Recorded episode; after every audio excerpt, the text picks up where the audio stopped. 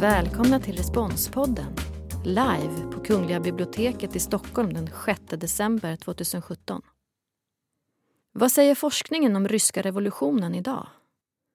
Om det samtalar Claes-Göran Karlsson, professor i historia vid Lunds universitet, Gudrun Persson, docent vid Slaviska institutionen vid Stockholms universitet och Kai Glans, chefredaktör för tidskriften Respons.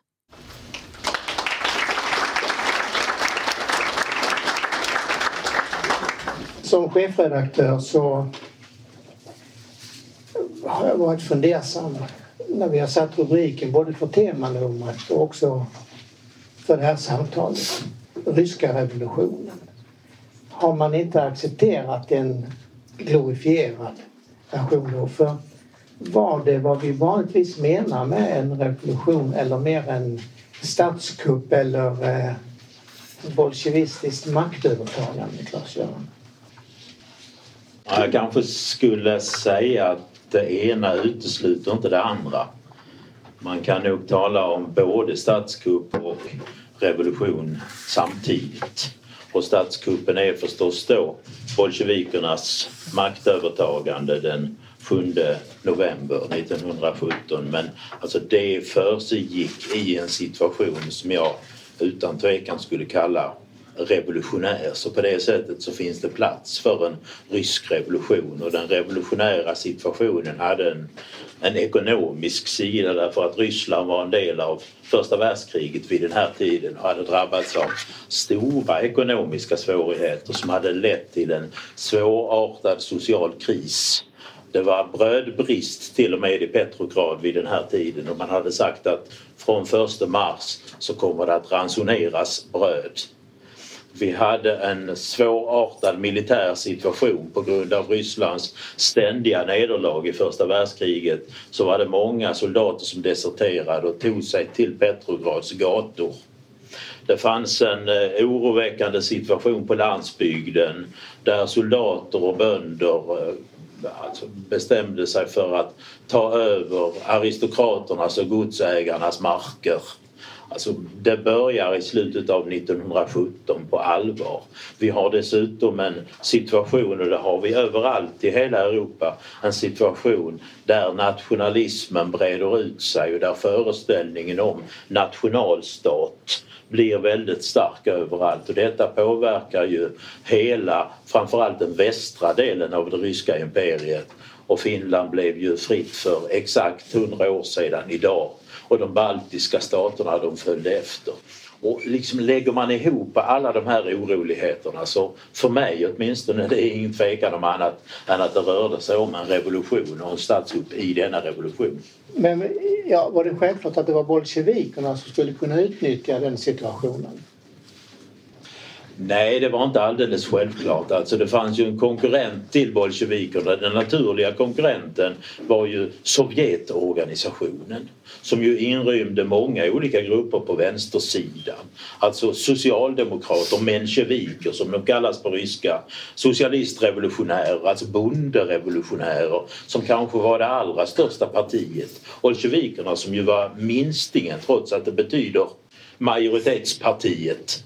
Så att nej, det var ett mycket större spelrum än så. Och sen ska man ju dessutom komma ihåg att, att det fanns ju en provisorisk regering som hade tagit makten att tsaren abdikerade redan under mars och den här provisoriska regeringen skulle ju vara provisorisk fram till att det skulle skapas val så att det, det kunde bli rejäl demokrati i Ryssland. Gudrun, vad säger du? Statskupp eller revolution eller båda? Det beror på vilken, vilken av revolutionerna man ta, talar om. Alltså, eh, den i februari skulle jag mer säga var resultatet av en revolution och det var ju då tsaren abdikerade och, och, och tsardömet föll och, och sen bildades då den här eh, provisoriska regeringen. Eh, när det gäller oktober och så att säga det eh, statskuppselementet där så i, i dagens ryska historieskrivning så är det inte kontroversiellt alls att kalla det för en statskupp. Det görs ofta i, i, i böcker som som skrivs. Och det var ju en, en, en klassisk statskupp då, då bolsjevikerna med militär makt besatte delar av, av Petrograd och, och, och, tog makten. Och sen för att ansluta vidare till det som, som Claes-Göran var inne på. Det hölls ju val till den konstituerande församlingen också där eh, just socialistrevolutionärerna blev absolut det största partiet och bolsjevikerna minstingen. Och, eh, men den upplöstes ju eh, också då med, med våld i januari 18 när, när bolsjevikerna sa att nu får det vara nog pladdrat här och nu tar vi över. Har du någon förklaring till varför bolsjevikerna lyckades trots att de var inte det största partiet? Det är ju flera saker. Alltså, eh, dels, eh, dels hade de ett väldigt tydligt mål där, där eh, de andra partierna inte hade alls samma målinriktning. Man hade en god organisation i partiet som gjorde att man kunde snabbt fatta beslut och sätta det i verket. Eh, man var totalt hänsynslös när det gällde eh, användning av våld. Eh, och sen om du kommer in på 18 och det fortsatta inbördeskriget så, så um, använde man ju också terror och lanserade den röda terrorn. Så att det var en hänsynslöshet, en, man hade en hel propagandaapparat som man kunde rekrytera med hjälp av Eh, löften. Man krävde ett omedelbart eh, slut på kriget och slöt ju sen också en separat fred med, med Tyskland. Eh, och, och, med stora, enorma landavträdelser. Någonting som man naturligtvis inte hade tänkt sig att, att följa, vilket man sen inte gjorde heller. Så att en, en eh, kombination av, av hänsynslöshet, organisation och målmedvetenhet ja, situationen kan man beskriva revolutionskvällen eller revolutionsnatten. För samtidigt som bolsjevikerna tog makten så fanns det en, en andra Sovjetkongress som sammanträdde. Eh, och eh, man kan väl säga att genom att inte följa spelreglerna så vann bolsjevikerna. Eller rättare sagt de som representerar en mera moderat socialism, det vill säga mensjevikerna och socialistrevolutionärerna. De tågade ut ur det här huset där man hade denna kongress och lämnade därmed fältet fritt för bolsjevikerna som då kunde ta makten och bestämma att nu skapar vi en egen regering. Men sen har Gudrun alldeles rätt i detta att det kommer en andra halvlek av det här när man samlas igen och då är det här mera moderata gänget tillbaka igen. Och då träffas man i Tauriska palatset för att göra upp om hur Ryssland ska styras i framtiden. Och då insåg Lenin eh, att nej, jag kommer inte vinna på det vanliga sättet om vi ska rösta. Så han lät helt enkelt pålitliga trupper stänga dörrarna till demokratin i Ryssland kan man säga och de här dörrarna har väl i princip varit stängda sedan dess eller åtminstone halvöppna idag kanske. Men jag håller fullständigt med, med Gudrun att alltså brutalitet, organisation eh, och, och, en viss förmåga att bryta mot det överenskomna. Vilka var brutalitetens eh, rötter? Bidrog kriget? Tsarens eh. Orlando Figes i eh, Russian Tragedy, en bok som har gjort stort intryck på mig. Han säger att våldet kom mycket underifrån. Från befolkningsskikten och att det var ett, tolkar jag det som, ett resultat av ett samhälle som hade väldigt stora klyftor och det fanns ett väldigt stort hat underifrån riktat uppifrån. Kronologin är ju kanske lite viktigare men om vi ska tala om terrorn under Stalin. Eller Nej, tala om ja. den här eh, röda terrorn. Ja, den var ju som det ofta blir en, en, eh, en självsvängande rörelse någonstans. Att det, det, initiativet kom ju uppifrån, från eh, partitoppen. Att eh, Lenin och med flera ansåg att det här behövdes för att ytterligare stärka den Eh, bolsjevikiska eh, makten. Jag tror att den här det är flera som har den här förklaringsmodellen att, att det var bara att bygga vidare på, på något som fanns under, under tsardömet. Ja, det förhöll sig ju på det viset att även om det fanns ett, ett våld under, under tsartiden så är ju dimensionerna går ju inte att jämföra på samma dag. Här är det en, ett våld som, som är betydligt större än, än eh, vad det någonsin var under, under tsartiden. Så att jag tror att det, eh, kriget, första världskriget eh, spelar roll. Det fanns vapen naturligtvis. Eh, och eh, sen den här ideologiska hänsynslösheten eh, uppifrån. Men sen blir det ju då då vill ju folk också, som ju ofta är, visar sig eh, duktiga eh, bolsjeviker, göra karriär och så att säga då kommer det här kravet underifrån att spela en, en, en viss betydelse. Men det initierades ju och eh, kontrollerades uppifrån. Man fick ju sen blåsa av just den röda terrorn 1920 bland annat sen motsvarande justitieministeriet hade, hade protesterat. Att de tyckte att det här börjar ju det blir för blodigt. Nej, jag tror inte heller på att man ska lägga stor tyngdvikt, tyngdpunkt på, på just det tsaristiska. Det är klart att, att tsarperioden den var ju annorlunda än den svenska motsvarande perioden eller den engelska motsvarande perioden. Alltså det var ju en, en period av en väldigt eh, obalanserad modernisering. Ända sedan Peter den store så hade man försökt göra Ryssland till en modern stat men bara i ekonomiskt och militärt avseende, inte i demokratiskt eller kulturellt avseende. Det fanns väldigt lite av borgerskap. Det fanns inga självständiga utbildningssystem. Det fanns inga självständiga massmediesystem. Så det är klart att revolutionen har en bakgrund i detta med just våldet som sådant. Det hävdas ofta att i Ryssland så bryter våldet ut med jämna mellanrum. Vi har haft bondeuppror hela vägen som sen fortsätter i de intellektuellas uppror under 1800-talet och så småningom leder fram till ryska revolutionen. Jag, jag ser inte det som någon riktigt bra historisk förklaring. Jag skulle nog själv lägga väldigt stor tyngdpunkt på just eh, första världskriget. Därför världskriget leder till ett slags eh, brutalisering av hela Europa och den här brutaliseringen är som starkast i Ryssland skulle jag säga och drabbar samhället väldigt hårt.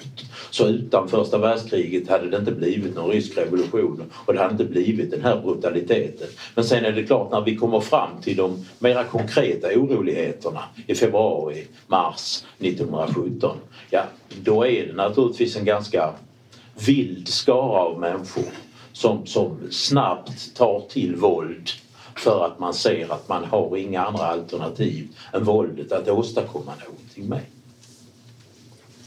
Eh, till första världskriget hörde ju stödet från Tyskland till Lenin som John McMeekin som skriver i vårt nummer fäster stor betydelse för. Mm. Därför att med de här pengarna kunde bolsjevikerna, menar han, utveckla en propagandaapparat som var helt överlägsen motståndarnas. Finns det skäl för detta? Anser du, Claes Jo, men jag tycker att hans argumentation är, är, är tämligen stabil. Han, han, har ändå med källor visat att det fanns ett beroende av Tyskland. Lenin skulle knappast ha kunnat åstadkomma det han åstadkom om det inte hade varit för de tyska pengarna och möjligen också de svenska bankirerna som då hjälpte pengarna att, att komma fram så att säga. Men Tyskland var naturligtvis betydelsefullt. Sen tror jag kanske inte heller man ska tillskriva Tyskland för stor betydelse men, men Tyskland behövde Lenin och Lenin behövde Tyskland. Då, då är man ganska neutral om man säger så. Har du kommentar? Jag, jag håller med det som, som, eh, som Claes-Göran eh, säger och just den här eh, propagandaapparaten och, och just att bolsjevikerna insåg betydelsen av, av propaganda och få ut det på, på bred front. Det var vi inne på lite tidigare. Så att, eh, det är klart att det är viktigt. Men nej, jag, jag säger så, man ska inte överdriva den tyska betydelsen. Som en fotnot eh, kan jag notera att i Ryssland idag så diskuteras ju den här frågan om man ska betrakta Lenin som utländsk agent. Ändå hade det här eh, stödet. För det var ju sånt som på Sovjettiden kunde man ju inte ens tala om detta på ett neutralt sätt.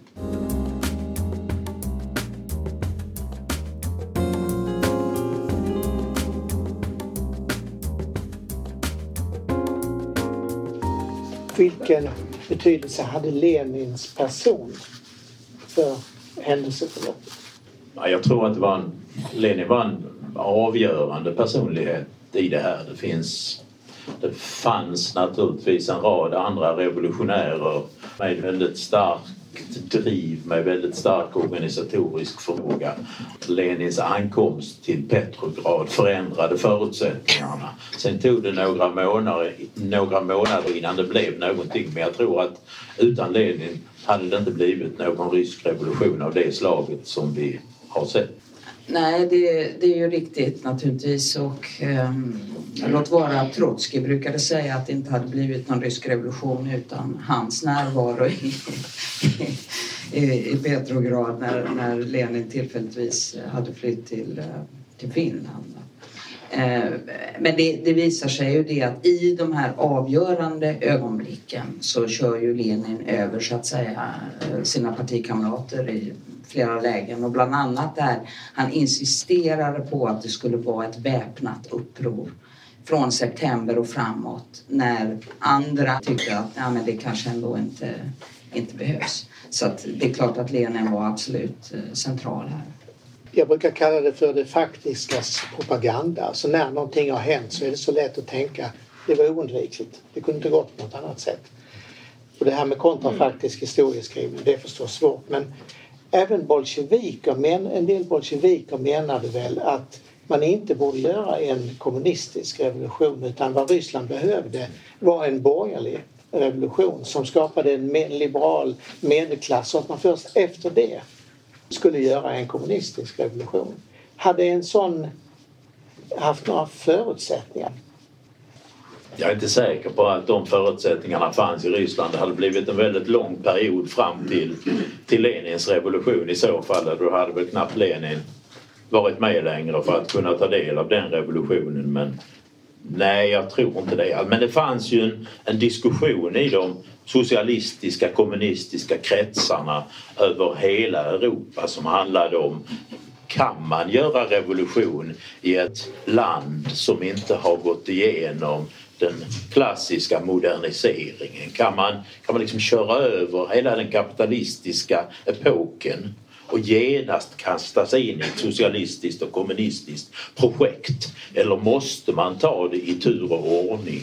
Och, och lärofäderna, om vi räknar bort Lenin från dem, så kan man väl säga att lärofäderna Flera av dem menade att nej, men man måste ta det i tur och ordning. Som Marx har sagt, man måste gå igenom den ena samhällsformationen efter den andra.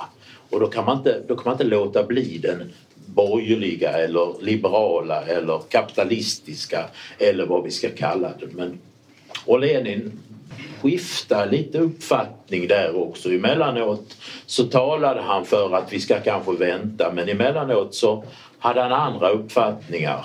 Men han, han ägnar ganska mycket tid åt att fundera kring i vilken ordning kommer revolutionerna? Han var till exempel oerhört intresserad av den franska revolutionen och, och, och funderade mycket på kommer det att bli frihet och jämlikhet och broderskap också efter vår revolution? Kommer det att bli liksom en, en högre nivå på de här slagorden genom den socialistiska revolutionen? Eller blir det någonting annat? Men, men alltså, det, det fanns en, en diskussion som hade ganska högt i tak och den diskussionen fortsatte faktiskt efter revolutionen också. Så jag skulle säga att det är, det är först i slutet på 20-talet som den diskussionen dör ut när Stalin bestämmer sig att för att nu har vi en revolution i vårt land. Och, och där var det ju också den här idén om, om världsrevolutionen som, som ju fanns att, att det skulle bli händelserna i, i Petrograd, oktober, oktoberrevolutionen om man ska ta de orden i sin mun, skulle eh, inspirera till eh, revolutioner i, i Storbritannien, eh, i Tyskland och så vidare. Ehm, men det som sagt tog ju sen eh, Stalin eh, död på den tanken och sa att det räcker bra med en revolution i, i vårt land. Men förklarar inte det ganska mycket av utvecklingen? Alltså bolsjevikerna hade förväntat sig att det skulle ske en kommunistisk revolution i Tyskland till exempel. Och så kom inte det och så plötsligt så står man där med ett land som inte tillhör de mest utvecklade länderna och ska regera det. Istället för att ingå i någon slags internationell, jag vet inte hur man skulle föreställa sig organiseringen, men där också de högindustrialiserade länderna var med och som skulle ha gett helt andra förutsättningar. Ja, det är en oerhört intressant eh, fråga därför att alltså, vad vi såg var ju en, en kommunistisk idé som hamnade i en rysk kulturell mylla som det kanske inte var tänkt för från början. Marx hade knappast tänkt sig, som, som Kaj säger, att, att, att revolutionen skulle bryta ut i någonting annat än Tyskland eller Storbritannien eller måhända Frankrike och så, och så slår den rot i kapitalismens svagaste länk. Och det är väl rimligt att tänka sig då att, att det gav den ryska kommunismen ett annat ansikte än vad kommunismen hade fått om den hade slagit rot i, i Storbritannien. Och det är ju intressant i det stora perspektivet därför att så småningom slog kommunismen rot i Kina kanske inte heller redo för en kommunistisk revolution. Så småningom slog den kommunistiska revolutionen rot i Kambodja. Om ni funderar på vad det är som är gemensamt för kommunismen i Ryssland och i Kina och i Kambodja, ja det är att den här kommunistiska regimen inte på något sätt gick hand i hand med demokrati och tolerans och mänskliga rättigheter utan i alla tre fallen gick det hand i hand med brott mot mänskligheten, terror och folkmord. Så det här är ju en viktig fråga som många forskare intresserar sig för idag. Vad hände egentligen när de kommunistiska idéerna mötte den ryska religiösa kulturen? Blev avantgarde-tanken från Marx ikonisk på ryskt vis? Finns det någon likhet mellan stora intåget i den ortodoxa gudstjänsten och första maj-paraderna på Röda torget i Moskva? Hur gick det till när kommunismen i Kambodja förenade sig med buddhismen? Det enda jag kommer ihåg från religionstimmarna i skolan det var ahimsa. Alltså icke-våld. Och se hur det blev. Så det där äktenskapet mellan kommunism och den kultur där det slår rot är ju, är ju oerhört intressant för en historiker. Eh, en tysk historiker, Ernst Nolte, eh, en omstridd historiker har sagt att det blev ingen revolution i Tyskland därför att revolutionen i Ryssland såg ut som den gjorde. Att den skrämde folk. Och som sagt, det är väl alltid lätt att vara efterklok. Men, men ehm, nej, alltså det, det, är ju intressant. Men, och, och det här religiösa momentet. Men, men även där tror jag ibland, ibland kan det finnas en, en eh, det är en så trevlig liknelse så att, så att den förför snarare än att den förklarar någonting. Ehm, jag tänker då alltså det här med personkulten som just ja, från, från 24 då när, när eh, Lenin dör så, så börjar det odlas en, en eh, personkult som någon slags identitetsskapande. Eh, och det där har det gjorts, skrivits, skrivits mycket om. Alltså, men sen det sättet som Stalin använde personkulten på det menar jag har inte så mycket med någon slags religiös eh, gudadyrkan att göra som att det, personkulten blev en identitetsskapare i den unga Sovjetstaten och sen användes den som ett, ett ganska effektivt instrument för att konkurrera ut eh, eventuella tronpretendenter eh, till makten som ett eh, maktinstrument. Men det är, en, det är en väldigt intressant eh, fråga och där, där kan man ju se Eh, jag var nyligen i, igår i, i, i Georgien eh, på Stalinmuseet där. Då finns det ett rum som, som innehåller Stalins dödsmask och det är byggt som en, en, en kyrkolokal, alltså ett kyrkorum. Och det är någon helighet över, över hela upplägget där. Och samma sak med, med, med Lenin och mausoleet. Där, där kan man se lite eh, betydande religiösa övertoner. Det kan man göra. Så den här frågan om relationen mellan det tyska och det ryska eh, i det här läget 1917, 1918, 1919 är, är oerhört intressant därför att det fanns ju embryon till tyska revolutioner vid den här tiden på många olika håll i Tyskland och det fanns samma oro och det fanns samma krigsläge. Så att den stora frågan är ju då, precis som du antyder, varför blev det i Ryssland men inte i Tyskland? Och det är klart att man kan ju alltså se att det finns ändå likheter men det finns framförallt olikheter. Alltså det finns olikheter i, i samhällsorganisation, i moderniseringsprocess. Det finns ett borgerskap. Det finns ganska breda kretsar i Tyskland som säger nej, vi vill inte ha någon revolution. De breda kretsarna finns inte i Ryssland. Och det finns naturligtvis väldigt många olika paralleller men framförallt alltså Tyskland är ett, en mognare stat och ett samhälle som har hunnit längre i samhällsutvecklingen. Tyskland har ett slags civilsamhälle som Ryssland saknade vid den här tiden. Annars är det naturligtvis i båda fallen exempel på vad historiker brukar kalla för obalanserade moderniseringsprocesser. Liksom där den ekonomiska och militära moderniseringen har hunnit iväg väldigt långt men det har inte hänt något på det politiska planet. Alltså det ser vi både i det tyska och rysk-sovjetiska fallet men mycket tydligare i det rysk-sovjetiska fallet.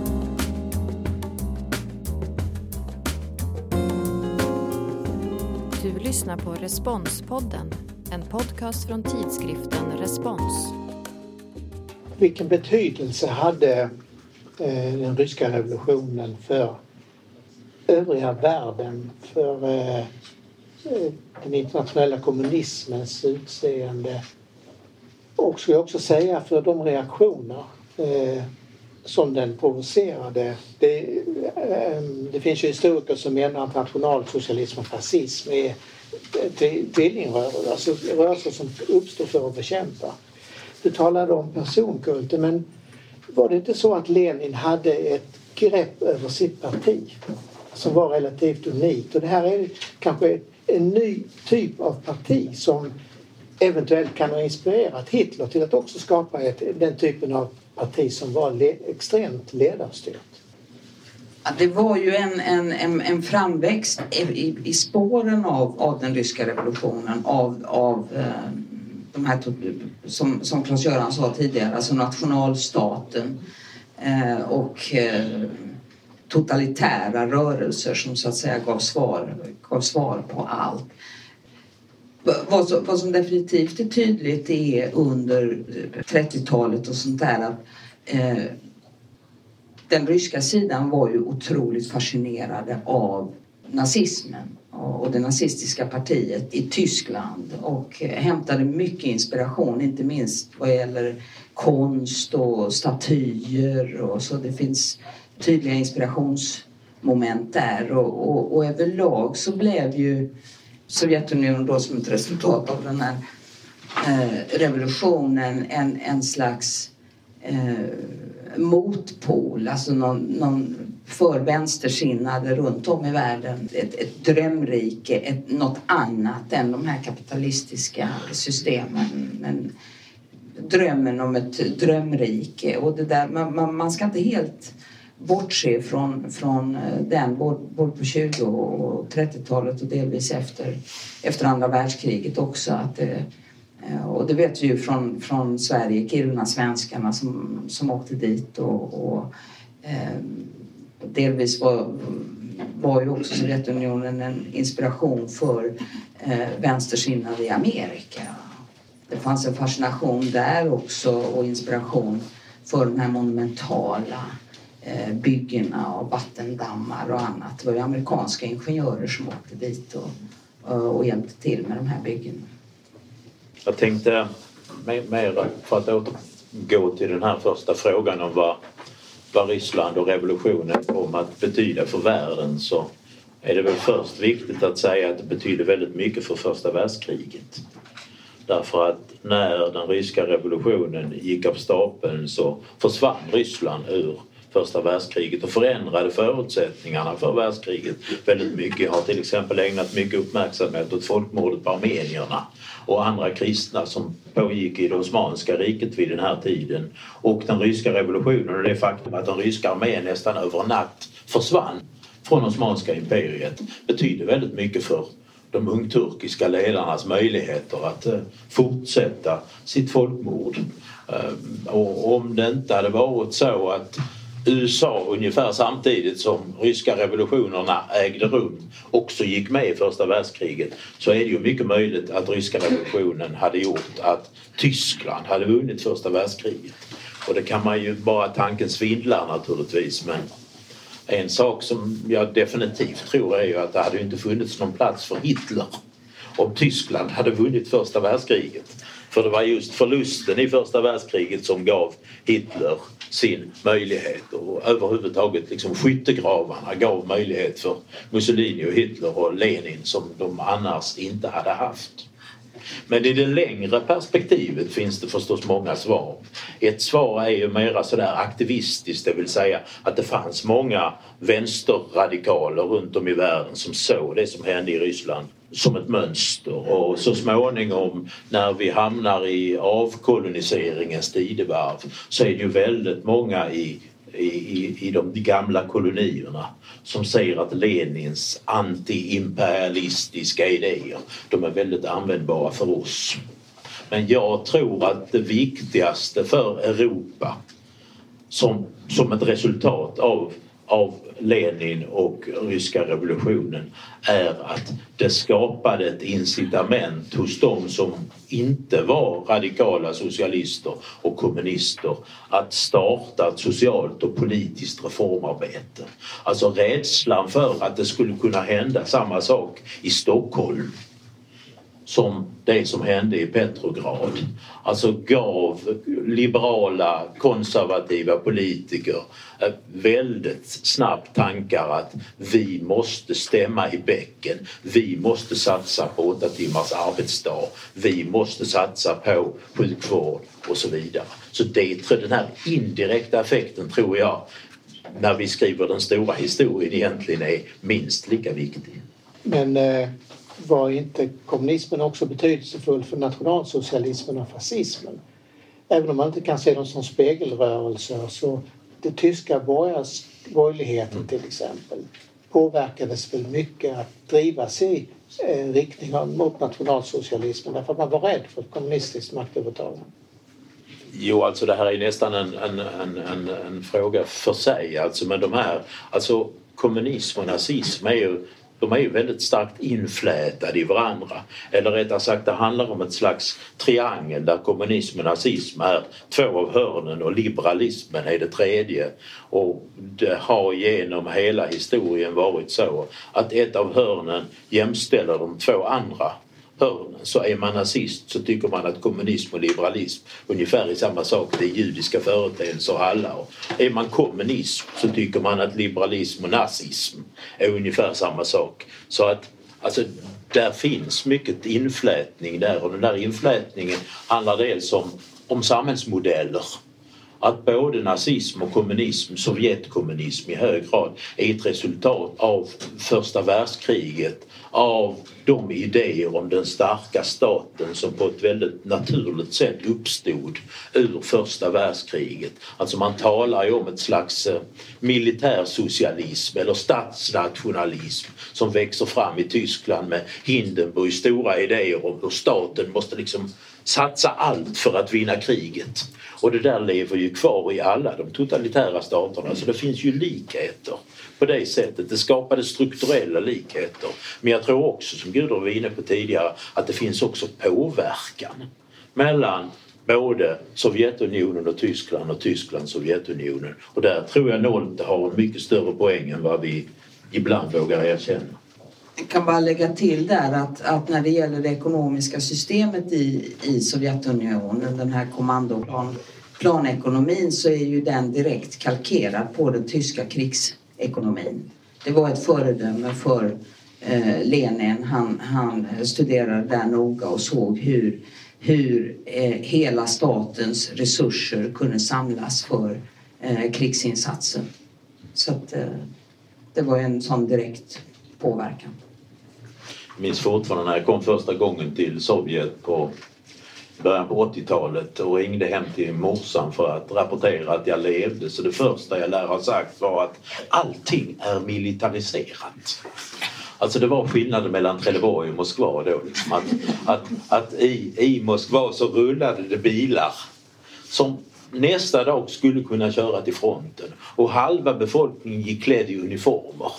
Och jag skrev min doktorsavhandling om historieundervisning och politik i Ryssland och Sovjetunionen. Så jag fick tillträde till skolor och allting var extremt militariserat. I, i, på idrotten så hade man militärövningar i princip varje dag.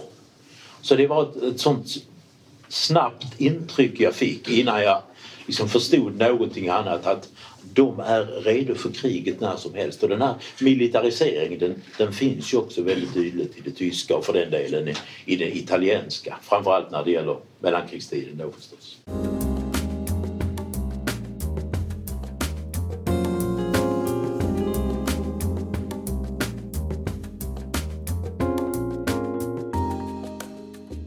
Ska vi prata lite om eh, forskningens utveckling?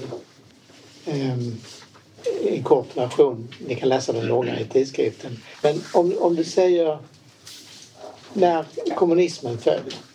Kom det fram mycket nytt som förändrade bilden? Eller var det mer värderingen av samhällsmodellen som föranledde omtolkning? Förstår du ungefär vad jag mm, menar? Ja. Hittade vi plötsligt nya källor som fick oss att tänka om eller var det mer att man såg i ett annat ljus? Ja, alltså det senare i så fall. Jag skulle inte säga alltså forskningen om den ryska revolutionen, om vi nu talar om den här perioden kring 1917, har ju inte varit stark på många decennier.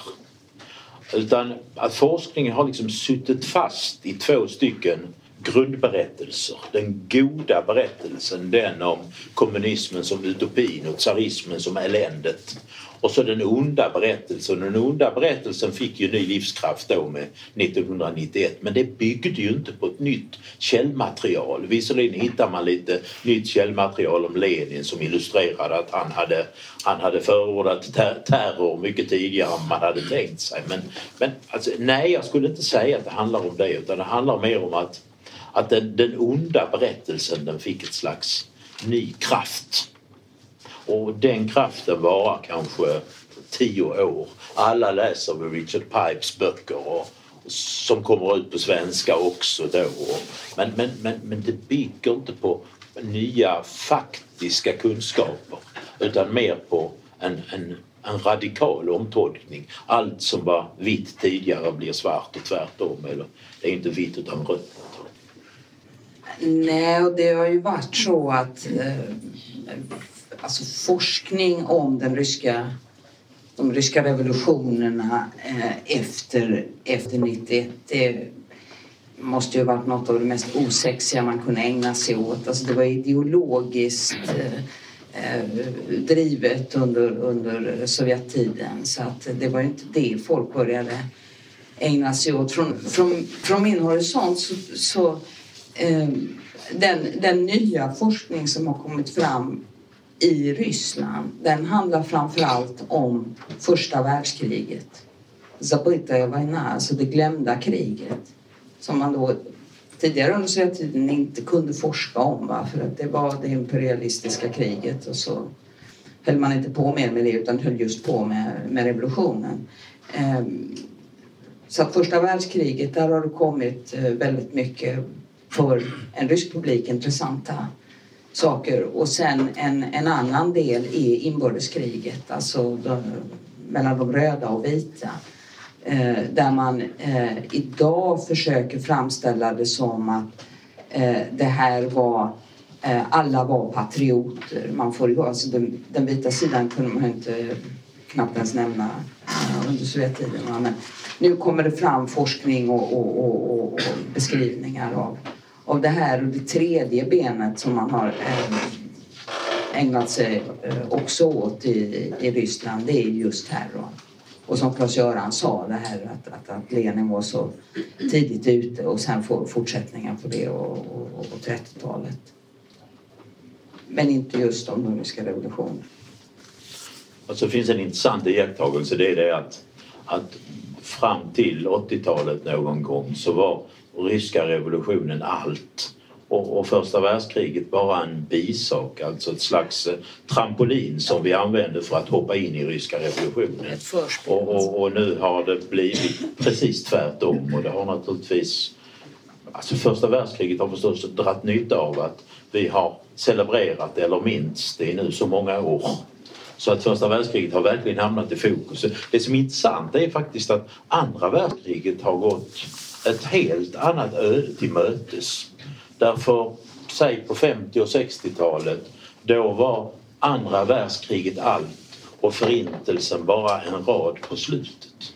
Nu är det nästan så att andra världskriget dukar under för förintelsen. Allting blir förintelsen så att säga. Så det är, det är en motsatt utveckling och det är en ganska, en ganska intressant parallell.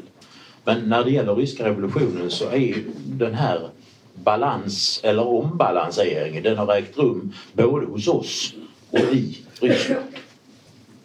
Vi kan ju lägga till där att, att eh, 2014, den första augusti, så invigdes det första ryska officiella monumentet över offren, eller hjältarna som har stått på postamentet i första världskriget i Ryssland 2014 får tillägga att samma tendens att lyfta fram första världskriget finns i forskningen om nationalsocialism. Ja, ehm, hur ser man på revolutionen i Ryssland idag? Talar vi om den politiska ledningen då? Både och. Ja, ehm, om, om, om, vi börjar där så är det ju eh, jag hade ett eh, internt vad mm, med några ryska kollegor om vilken som skulle få mest uppmärksamhet. Februarirevolutionen eller oktoberrevolutionen. Eh, vi förlorade på båda detta vad eftersom det, det var väldigt lite officiella arrangemang eller, eller eh, hågkomster. Eh, lite seminarier, eh, lite monument, statyer men inte något, något eh, stort orkestrerat. Och när, när president Putin talar om eller får frågor om eh, hur han ser på det så, så nu senast i, i Valdai i oktober så sa han att eh, revolutioner för mig, sa Putin, är alltid ett tecken på brist på ansvar. Och tillade han, man ställer sig frågan, kan vi i, i Ryssland inte utvecklas stegvis evolutionärt någon gång och, och slippa de här revolutionerna. Det säger väldigt mycket om, om eh, hur den politiska ledningen ser på det här. Eh, det ska inte vara, bli någon mer revolution i Ryssland man vill liksom fortsätta. Man, man understryker helheten. Bland, bland eh, en del av de här bland en del av ryska, ryska eh, historiker så, försöker, så jobbar man och skriver och publicerar saker kring liksom, när man understryker kontinuitet. Man försöker få ihop Lenin, Stalin och eh, dagens ryska federation i någon slags eh, stor historieskrivning. Det har ju också kommit, man har ju försökt ensa historieskrivningen i förskol läromedel för, för eh, skolan. Och, eh, då har man gett ut någonting som man kallar historico kulturni standard, alltså någon slags mm. måttstock då hur man ska se, se på det här och den avslutas med, med 20 eh, så kallade svåra frågor där man då inte har kunnat enas och en av dem är just hur man ska se på monarkins fall, eh, bolsjevikernas maktövertagande och inbördeskriget. Så att eh, den debatten lär fortsätta. Jag har en mycket konkret berättelse om det där. Den 16 oktober var jag i Petersburg för att opponera på en doktorsavhandling. Och eh, det är klart att oppositionen var det viktiga men det näst viktigaste var att se efter eh, hur syns revolutionsjubileet i Petersburg? Och det började bra för när jag steg ut från flygplatsen så såg jag en taxi där det stod exkursion i Petrograds revolutionskvarter. Så jag tänkte att det här blir någonting i hästväg och det blev det också därför att det var det enda jag såg överhuvudtaget. Alltså i Petersburg vid den tiden så satsade man allt på folkenighetens dag som Putin har fixat till. För säkerhets skull inte den 7 november utan den 4 november istället. Men alltså revolutionen brydde man sig inte alls om. Och jag talade med historiker där också och de sa att nej, det är ingen som är intresserad av den här revolutionen. Alltså för Putin är revolutioner sådant som händer i Ukraina och i Georgien. Alltså de har ofta färger de här revolutionerna och skapar bara instabilitet. Putin vill ha stabilitet. Ska man lägga till ytterligare något citat som Putin har använt så, så, så sa han för en tid sedan att nej men Lenin placerade en atombomb under Ryssland. Och där kan man ju tolka lite som man vill men man ska inte tolka det positivt. Så att för Putin är, är revolution ingenting att minnas, hylla eller vad man nu gör. Eh, tack ni båda så långt. Jag tänkte att vi skulle släppa in eh, publiken.